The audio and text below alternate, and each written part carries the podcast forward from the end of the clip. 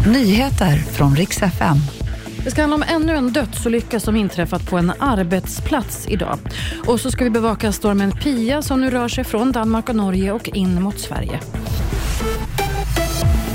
Vi ska börja med en skottlossning som ska ha ägt rum på ett universitet nu på dagen. och Det här är i Prag. Flera personer ska ha dött eller skadats. Området har spärrats av, skriver tjeckisk polis på X. Och vi får förstås återkomma när det finns mer information om det här.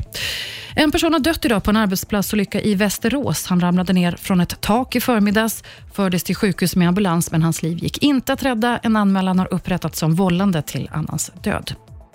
Det ska handla om stormen Pia som drar in över Sverige snart. Det har dragit in över Norge och Danmark redan och västkusten väntas få lokalt uppemot 27 sekundmeter med risk för översvämningar. Jultrafiken väntas få det besvärligt i dagarna.